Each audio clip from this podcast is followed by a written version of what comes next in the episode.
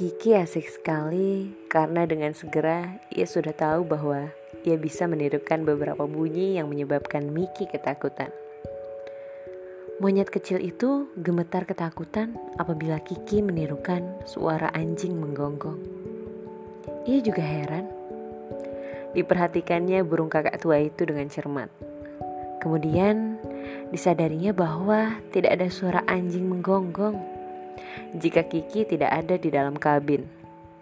Wah, jangan-jangan Kiki itu burung anjing atau anjing burung.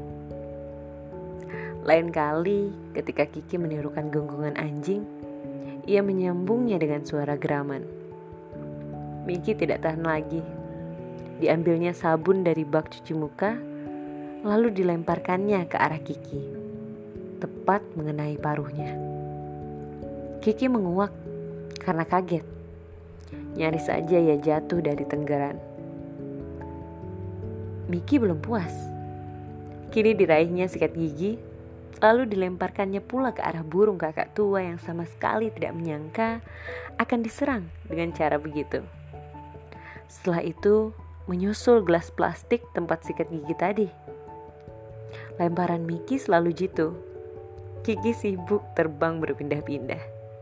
Berusaha melindungi diri dari serangan Miki yang bertubi-tubi.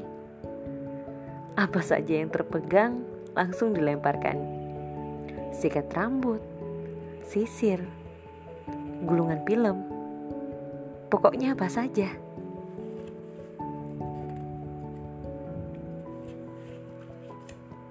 Untung saat itu Philip masuk. Aduh, apa-apaan ini? Ayo, Miki, pungut kembali barang-barang itu, katanya galak.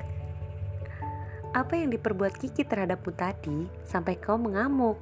Bikin nakal ya? Bikin nakal, anak jahat, oceh Kiki. Lalu tertawa, terkekeh-kekeh. Miki menuruti perintah Pilif. Dipungutinya barang-barang yang dilempar-lemparkannya tadi dengan patuh. Setelah itu, ia bertengger di atas bahu Philip, seperti kebiasaannya. Kiki cemburu lalu hinggap di bahu Philip yang satu lagi. Miki mengoceh, mengata-ngatai Kiki. Kiki tidak tinggal diam, dibalasnya ocehan itu. Bunyinya persis suara Miki. Monyet kecil itu terdiam sejenak, lalu menjawab lagi dengan bersemangat. Philip mendengarkan saja dengan perasaan geli. Aku tidak tahu apakah kalian benar-benar saling memahami, katanya. Tapi sebaiknya begitu. Aku tidak mau setiap kali masuk kemari melihat barang-barangku berserakan ke mana-mana. Jadi kalian harus berteman, mengerti Kiki dan Miki? Puh, kata Kiki. Tapi dengan suara ramah.